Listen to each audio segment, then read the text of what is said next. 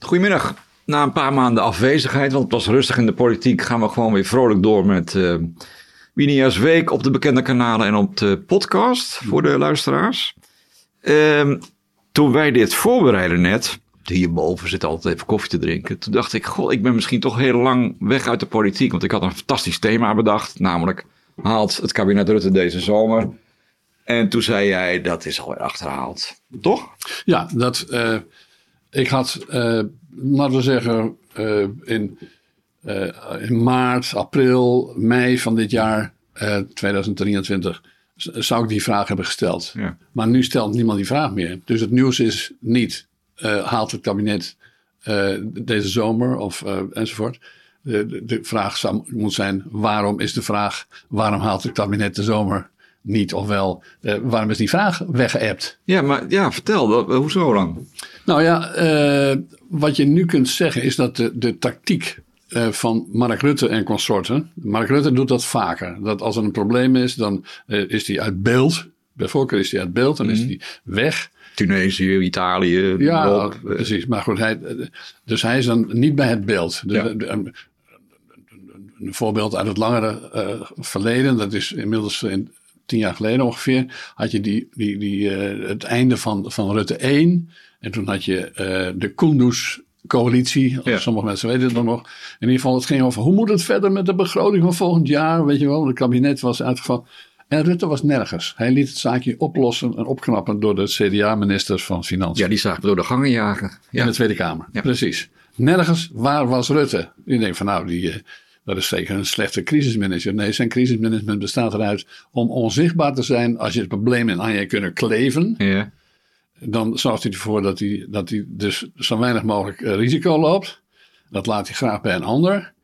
Uh, dat een andere methode van Rutte is uh, de tijd zijn werk laten doen. En dat hebben ze dus heel nadrukkelijk gedaan. het CDA werd heel erg onrustig van de statenverkiezingen van, van maart. Uh, dus die gingen riepen van, moet de stikstof, weet je wel, de boeren, de stikstof, de aanpak van die boeren moet, uh, moet losser dan in het regeerakkoord staat. Hoeft niet allemaal in 2030 voor de helft opgelost te zijn. Uh, er mogen ja. ook geen boeren gedwongen worden uit, dat, uitgekocht. en toen heeft die, hebben ze dat geregeld in het, in het kabinet, maar dat is een typische Rutte-methode. Om te zeggen, ja nee, maar de, kom daar dan in, in, in juli maar een keer met tegen de zomer, zeiden ze dan. Ja. En, uh, en de D66 begon ook al te roepen van... Uh, uh, ja, maar ik wil dat... dus Jan Paternotte, de politiek leider van, het, van D66 in de Tweede Kamer... De fractievoorzitter, die, die begon ook al te roepen een tijdje geleden... maar ik laat het CDA dan wel voor... wat was het? 1 juli daarmee komen. Het wonderbaarlijk is, je hoort er niets over. Nee. En waarom hoor je er niks over? Omdat er toch een, een, een, een, een... Dat is een soort van oplossing. In die zin dat ze uh, de, de, de stikstofminister van de Wal, die heeft dan toch een royale pot geld voor de piekbelasters. Ja. En zodanig dat in het televisie, televisieprogramma's zie je dan die piekbelasters, die boeren, voor de buis zitten. En dan je kijken van ja, nou, eh, kan, kan ik hiermee uit de voeten? Bij dat computerprogrammaatje te rekenen, ja. Precies. Ja. Maar, en dat is dus geen confrontatiestrategie meer. Nee, dat is een tot oplossing. Afkoop, ja. Afkoop en problemen oplossen. Uh, in ieder geval. Het, op een of andere manier is dat die hele stikstofclash toch redelijk in elkaar aan het zakken. Laten we niet vergeten, een jaar geleden stonden ze overal op straat. die trekkers die, die legden het land plat en het was echt serieuze trammeland. Uh, en dat was de geur die de hele die, die stikstofcrisis omgaf. Maar dat is al weken niet meer aan de hand. Nou, die boeren hebben nu toch ook een enorme vertegenwoordiging in de Senaat. Ik bedoel, die, die denken misschien, we, we hebben een deel van de macht. Of is dat niet zo? Uh, ik, ik, denk dat dat hier niet zo werkt. Ik nee. denk dat die boeren gewoon vooral denken van... Uh, die 120 procent die ik voor de waarde van mijn bedrijf kan krijgen... kan ik daar de hypotheek mee afbetalen? Kan ik ja. daar mee vooruit? kan ik misschien toch nog ergens anders nog wat beginnen? Of wat dan ook. Op een of andere manier is de, stik, is de, is de, de, de, de uh, laten we wel zijn, er is vaak verondersteld dat die staatsverkiezingen gewonnen zijn door de boer-burgerbeweging vanwege de stikstofcrisis. Dat is denk ik niet het geval. Mm -hmm. Ik denk dat, dus de, de, de, dat was wel de, de, de, de, wat is, uh, de trigger. Het, het springende punt, ja. maar uh, het heeft toch ook, laten we zeggen, eh, de, de, de Nederlandse, de brede afkeer van het Haagse politieke bedrijf zichtbaar gemaakt. Dat Ja. was de belangrijkste reden. Maar goed, niettemin werkt het wel zo dat eh, als de boer-burgerbeweging dit sp- springende punt minder aan zijn zijde heeft, dan is dat ook een, een, een, een, wordt het een crisispunt minder voor de coalitie. Zo simpel is het. Ja. En ze hadden een stuk of drie, vier serieuze crisispunten. Eh, de stikstof was een belangrijke. Niet in de laatste plaats omdat het CDA zo onrustig werd. Nou, waar, het zou, waar is het CDA? We zijn nu halverwege juni 2023. Waar is het CDA nu mee bezig? Ja, met zijn eigen ondergang of het redden van zijn eigen van het vege lijf. Ja. Maar eigenlijk niet meer met die stikstofcrisis. Nee. nee. De, bedoel, zien wij nog gebeuren dat het CDA gaat opspelen van dit, dit, eh, dit, ik geloof er helemaal niks Je van. bedoelt dat ze bij een kabinetscrisis ook geen belang hebben? Nee, dat hadden ze sowieso al niet. Nee. Want bij iedere verkiezing gaat het CDA verder onderuit. Dus eh, alleen, het CDA dacht zich te kunnen profileren eh, door eh, in het kielzog van de boer-burgerbeweging, wat in feite het nieuwe CDA is. Laten we het niet vergeten. Oh, oké, ja. Eh, eh, Dus het- de boer-burgerbeweging doet wat het CDA anders gedaan zou hebben. Is ook ongeveer zo groot als het CDA vroeger was, zal ik maar zeggen. Maar goed, het CDA eh, dacht na de staatsverkiezingen zichzelf eh, profiel te geven door in kielzog van de boer-burgerbeweging dezelfde eisen te stellen eh, over de stikstofoplossing. Te weten, eh, het mag ook later in Ja, 2030. ik heb- ik maar heb- hoor, maar dat, dat, dat, dat, hoor je niet meer. Het is dus uit de crisis. Nee, maar was het sowieso niet een beetje voor de bühne? Want ik heb het altijd merkwaardig gevonden dat ze zeiden van dat, dat jaartal moet van tafel. Hè? Ja, Eh, terwijl, ja, terwijl op advies van Johan Remkes er eigenlijk twee nieuwe weegmomenten al zijn ingebouwd. 2025, 2028, die tegemoet komen aan die wens. Dus ik bedoel, toch? Of, Nou ja, maar goed, als, je, als, we, als we met CDA zo stupide zijn dat ze zelf loze eisen stellen, dan hebben ze natuurlijk helemaal geen toekomst. Dus ik moet aan- aannemen dat, dat ze kort na de statenverkiezing wel degelijk serieuze eisen hadden in hun achterhoofd hadden. Als dat ook fake was, ja, dan kan die partij. nou, ik zeg niet dat het fake is, maar er was al tegemoet gekomen aan hun wensen. Door die twee eikmomenten. Maar goed. Nou ja, maar goed, dan zijn dat, mocht dat zo zijn, dan, zijn dat, dan, zou, dat dus, dan zou het een, een fake eisenpakket zijn. Ja. Nou ja, wie wint met een fake Nou ja, verkiezingen? Hè? Ja, dus- eh, je, zegt eigenlijk, eh, Rutte doet vooral niks. Eh, er worden zaken afgekocht. Geldt dat ook voor het asielbeleid? Ik volg een beetje die persconferenties op vrijdag. Ja. Daar wordt al drie maanden niets gezegd. Want er zijn steeds broedende kippen en ze zijn bezig en het is complex. En Ja. nu heeft hij dus een akkoord in Tunesië. Maar is dat genoeg? Eh, Nou, kijk, wat, waar niemand het over heeft, maar dat is dat hij dus. Rutte, die is. Dat, dat wordt dan ook gezegd door anderen in de, in de partij. Die zeggen: Ja, nou, hij is toch heel druk bezig en hij vliegt Ja. rond en dit en dat. Nou ja, hij, dus hij, hij, hij verplaatst lucht. eh, kun je in ieder geval stellen. En heel veel klimaatkilometers maakt hij ook, denk ik. Maar, eh, maar wat is het Nederlandse belang? Als het probleem is dat er te veel asielzoekers zijn in Nederland. Nou, dat, dat vindt, het, vindt in heel Nederland. Zelfs de kiezers van eh, de D66 vinden dat. Er is maar één kiezersgroep die dat niet vindt. Dat zijn de kiezers van GroenLinks. ja. Eh, maar dus 90% van de Nederlanders vinden dat er te veel asielzoekers zijn en dat er wat er moet gebeuren. Eh, dat is ook wat het- de VVD gevraagd heeft aan eh, de VVD-aanhang. Zowel in de Tweede Kamer als op een ledenvergadering aan Rutte, die het toezegging gedaan heeft, dat gaat hij reduceren. Dus mag je aannemen dat als hij voortdurend zich ophoudt bij die, de, mevrouw Meloni, de, de Italiaanse minister-president, en eh, nu ook met haar naar eh, Tunesië is geweest, dat dat de inzet is. ja. Maar laten we eens even kijken. Er komen dus eh, tienduizenden mensen via Tunesië en Italië mogelijkerwijs onze kant op.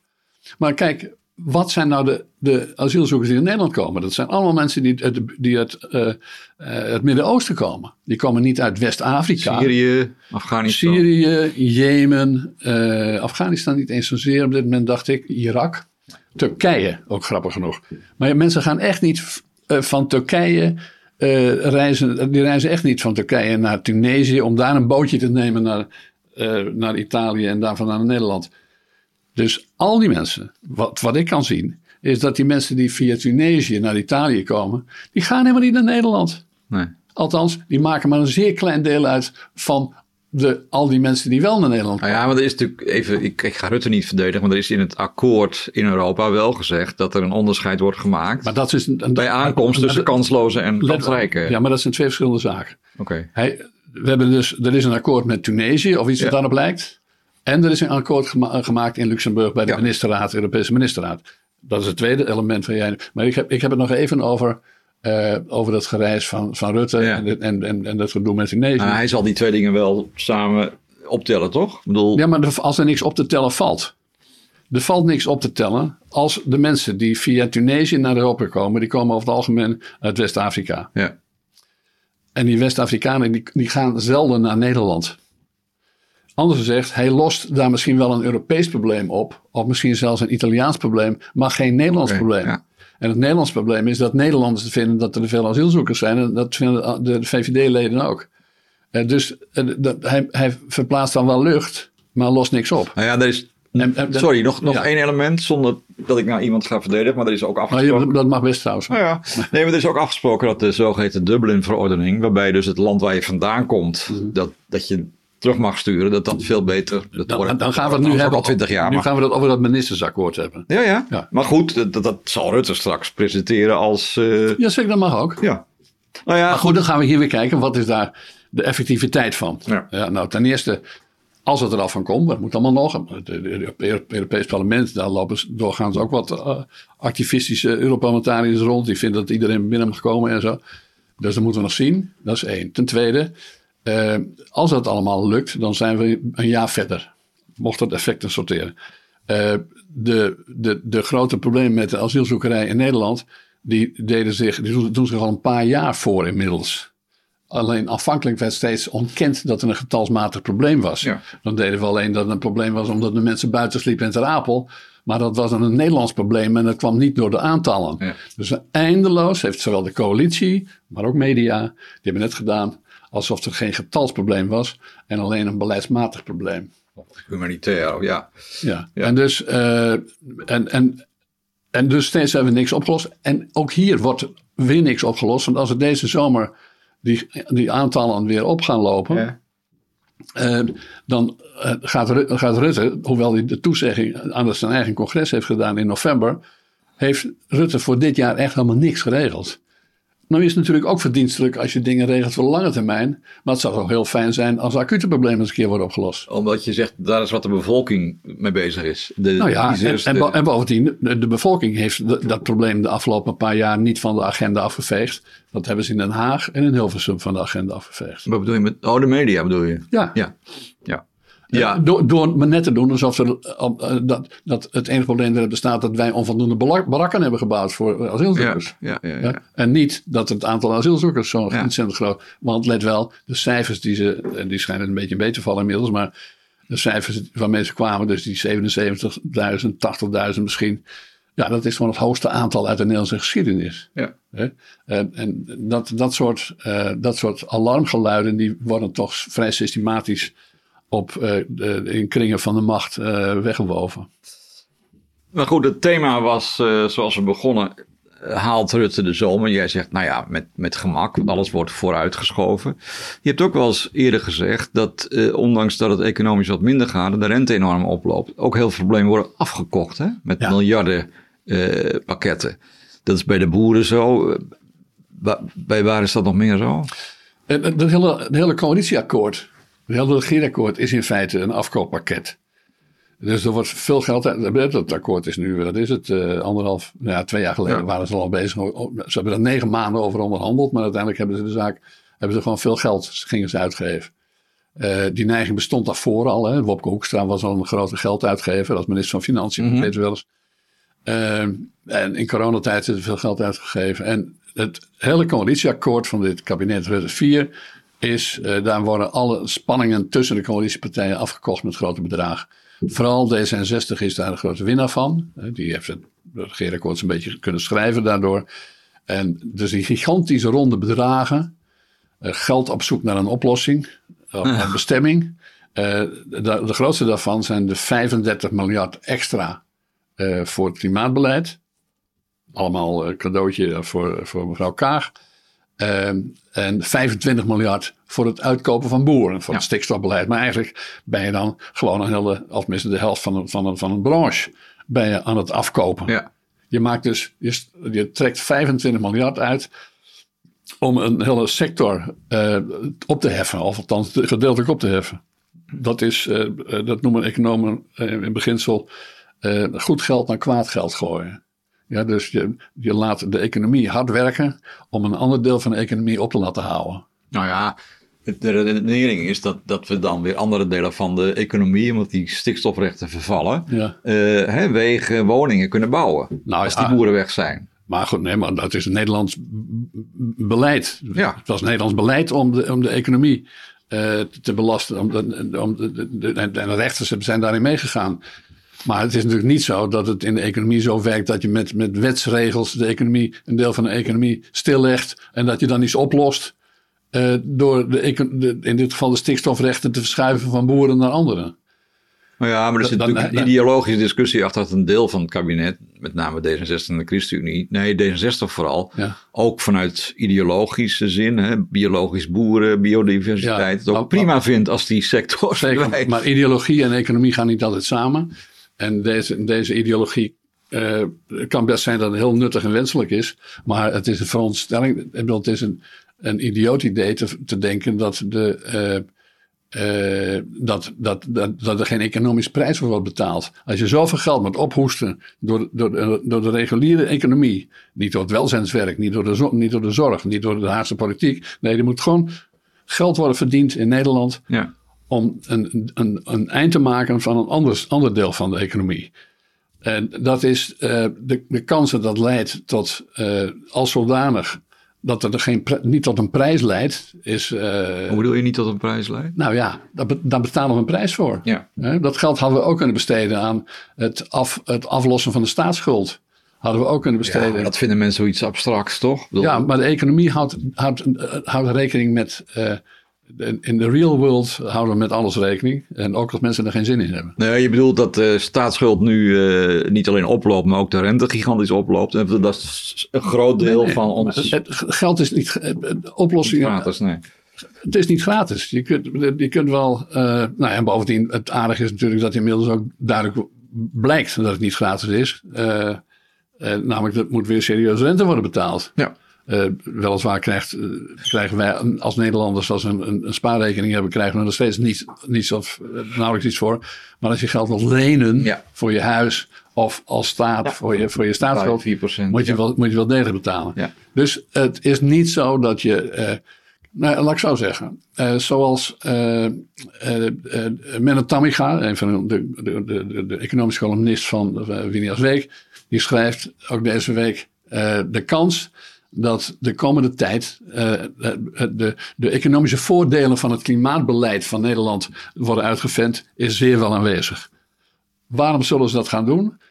Omdat daarmee de indruk te wekken, de indruk te wekken dat al dat geld wat we aan het klimaat uitgeven, in Nederland in het klimaat dat dat niet eh, weggegooid geld is, maar heel goed is voor de economie. Dat is trouwens totaal onbewezen of dat zo is. Je bedoelt dat groene beleid is economisch beleid, waterstof, et cetera. Nee, is energie. kostbaar economisch beleid. Ja, nee, maar zij zeggen, daar kun je nieuwe banen mee creëren. Ja, dat zeggen ze. Maar dat, nieuwe dat- economie. precies, maar er is nooit iemand in het hele leger economen in Nederland zijn er maar heel weinig die hebben uitgerekend hoe dat dan moet. Ja. Dus dat wordt ook door Rutte. Rutte die was helemaal niet zo voor het klimaatbeleid. Maar als hij het wel was, zei hij van ja, maar het levert allemaal banen op. En Ja. Allemaal klets. Ja, dus het Centraal Planbureau heeft dat een paar jaar geleden alles uitgezocht. Op basis van internationaal literatuuronderzoek, ervaringszus. Eh, en, en er is eh, er is geen enkel bewijs voor dat het goed voor de economie is. Er bestaat natuurlijk een, een, een, een soort eh, klassiek idee in, in de politiek. dat als je geld uitgeeft, dat het altijd goed is voor de economie. Ja. Ja, let wel, A, dat geld moet eerst verdiend worden. Ja. Als je een belasting op de economie is slecht voor de economie, ruwweg gesproken. Althans, het belast de economie. Als je ondernemen van hoge belastingen voorziet, dan wordt ondernemen minder aantrekkelijk. Dat is, heeft een negatief effect op de, op de economische groei.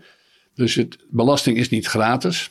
En als je het ook nog dingen uitgeeft aan dingen die, de, zoals bij de boeren, je boeren uitkoopt. Ja, het zal allemaal wel nuttig en wens- wenselijk en mooi zijn. Maar eh, die bedrijfstak, die econo- economische bedrijfstak, die wordt voor een deel weggekocht. Ja. Hè? Je brengt dus. eh, en die noties die worden te weinig besproken. En, eh, maar het- we staan dus naar alle waarschijnlijkheid wel degelijk aan de vooravond van serieuze economische problemen. Dat zeggen vooravond, we zitten er al in. Ja. In de eerste maanden van dit jaar is de economie ingezakt. Maar er is niemand die het erover heeft. We doen net, ja. Ja, eh, kleine krimp zelfs.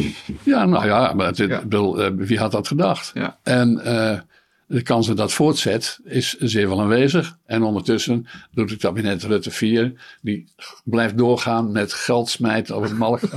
ja, Nou ja, het werkt dus wel blijkbaar. Het politiek... eh, nee, het werkt helemaal niet. Met de staatsverkiezingen zijn ze, zijn ze weggeblazen. Nee, maar ik bedoel, jij, jij, daar begon dit gesprek mee. Het, het werkt in die zin dat ze kunnen blijven zitten. Snap je? Dat, Eh, nou ja, weet niet of dat een hoger doel van de politiek moet zijn, maar... Nou, maar- wel bij Rutte natuurlijk. Ja. Dat, bij, bij Mark Rutte, dat gaandeweg leren we steeds meer over Mark Rutte. Dat is wel interessant in dit tijdbericht. Eh want hij, is- hij, hij- loopt voortdurend tegen allerlei problemen aan. Eh, de problemen zijn. eh, de, de, problemen van het land, die zitten bijvoorbeeld in de toeslagen of in Groningen of bij een andere zaak. Maar het probleem van Mark Rutte zit in, in risico's voor zijn coalitie. Ja. En, eh, en die zijn voortdurend van allerlei aard. En bij iedere, eh, bij iedere probleem zien wij eh, weer hoe hij het eigenlijk aanpakt. Dus het, het, wordt het een probleem vooruitschuiven, Ja. uit de buurt blijven van het probleem. Nou, het, eh, Ook vaak excuses aanbieden. heel vaak excuses aanbieden, eh, maar niemand ziet meer, de, ziet meer daar authenticiteit in. Nee, dat wordt een soort versleten iets, hè? Dat, dat je dat heel vaak doet. Ja. Ja, Privé ook zo. Als je de hele dag sorry zegt, ja, dan hoort niemand het meer. Nee, sterker nog wordt het een, wordt het een karikatuur. Ja, Maar eh, het lijkt soms wel alsof we daar maar een beetje murf van worden. ja. En Rutte daardoor alleen maar onkwetsbaar van wordt. Je bedoelt, ze staan tegen de muur aan te beuken, maar ze denken, ja, we komen er al 13 jaar niet doorheen en eh, zoiets. Nou ja, en, er ontstaat nog een, ge- een gek effect. Eh, en dat is dat, dat als Rutte dit steeds maar weer overleeft. dat dat dan ook, dat hij bijna als een sportsman, sportsman hoor het, een, een, een, een, een sportman, dan wordt bewonderd. Zelfs mensen die, die een hekel aan hem hebben, of een hekel aan zijn beleid hebben, of een hekel aan zijn partij hebben, die vinden dat dan toch knap. Ja, ja, ja. En, en dat maakt hem toch, toch weer een stukje onkwetsbaar, Ja, zou je kunnen ja. zeggen. Eh, ik, ik wou afsluiten met nog, nog één actualiteit die deze maand ook nog wel eh, actueel blijft. Dat is eh, ja, functie elders. Dat Ja. blijkt hè, omzicht bij de formatie, waarbij Rutte bijna sneuvelde. Maar, Ehm, en nou blijkt uit eh, documenten van Nieuwsuur dat Jorritsma eh, en eh, hoe heet ze? Ollongren. de verkenners, al in een eerste gesprek, ik geloof dag twee, met Kamervoorzitter dit aan de orde hebben Voordat ze ook verder maar iets ondernamen. ja, ja, zeker. Ehm, het is, ja, ja, je kunt die mensen, al langer zou je nog weg kunnen sturen, maar wat kun je verder? Want er komt misschien een hoorzitting, dat schijnt dan, dat is dan Ja, maar uniek. een vraag die nog niet gesteld is, maar die, die ik wel graag op tafel wil gooien. Hoe kwamen die dames op het idee om dit zo prominent op, ta- op tafel te leggen? ja, en- ik heb en daar als- al iets over gehoord. Nou, vertel eens. Nou, kijk, wat toen nog speelde, ik geloof dat de exacte uitslag van de verkiezingen niet bekend was. Hè? Dus het aantal voorkeurstemmen. Rutte weet uit twee Nou ja, en dat die voorkeurstemmen die waren van belang, omdat wat van belang werd geacht. voor de stabiliteit. Of omzicht dan wel. eh Ja. eh, die? Dus het was niet een hele gekke veronderstelling. De vraag is even of het de taak van de verkenners is. Maar dat, dat was de achtergrond. Want die exacte uitslag van de kiesraad moest nog bekend worden. Ja, dat kan zo zijn. Overtuigd, maar... Nee, nee, nee. Ik, ik, ik, kijk, ik, zit, ik kijk naar de binnenkamer van de VVD. Mhm. Eh, in de binnenkamer van de VVD heeft Annemarie Jorritsma... die heeft daar heel lang in gezeten... maar niet per se in sturende zin. Die was fractievoorzitter in de Senaat. En zat als zodanig dus al bij het donderdagse overleg bijvoorbeeld... en bij de jaarlijkse eh, eh, bezoek... of de tweejaarlijke, twee keer per jaar... gaan ze dan met de hele VVD-club... eh, naar het kasteel van, hoe heet je ook weer... eh, de, de, de, de, de, de peetvader van de VVD. Hoe heet die man? De, de grote telefoonmeneer. Ik ben het even Oké, kwijt, nou, maar... We, dat zoeken we op. Zoeken maar in ieder geval, de, de top van de VVD die zit het, één of twee keer per jaar eh, eh, in een Frans kasteeltje de, de strategie uit. Oh, Ben Verwaaien. Ben Verwaaien. Ja, ja, ja. Goed, in dat gezelschap, eh, daar zit, eh, daar, daar, dat in die inner circle, daar hoort Annemarie Joodsma ook toe. Annemarie Joodsma die zit al bijna wel 40 jaar, ze is nu weliswaar uit de politiek, een soort van uit de politiek. Ja. Maar wat is nou, de, wat, waarom zou bij uitstek Annemarie Jorisma, want volgens het Nieuwsuur is zij dan met name degene die Ja. er achteraan staat, meer dan Ollongren.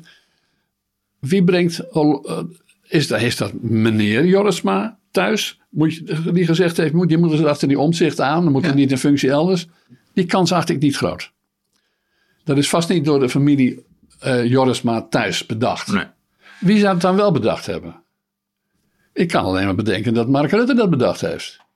Die aanvankelijk ook ontkende dat die het erover gehad had. En die later ontkent alles. Die Ja. ontkent alles. Maar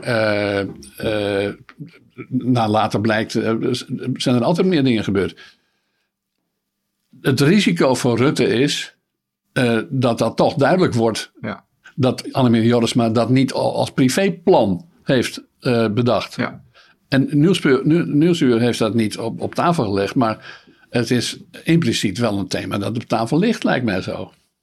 Dus dit kan voor Rutte nog best gevaarlijk worden. Nou ja, dat hebben we vaker gezegd en dan, heb ik, Ja. dan, dan stel ik het op Daar prijs. is je nauwelijks meer. Dan stel ik het op prijs dat jij dat nu zegt, zodat ik het niet hoef te doen. Maar het is wel een, een, een tricky business natuurlijk.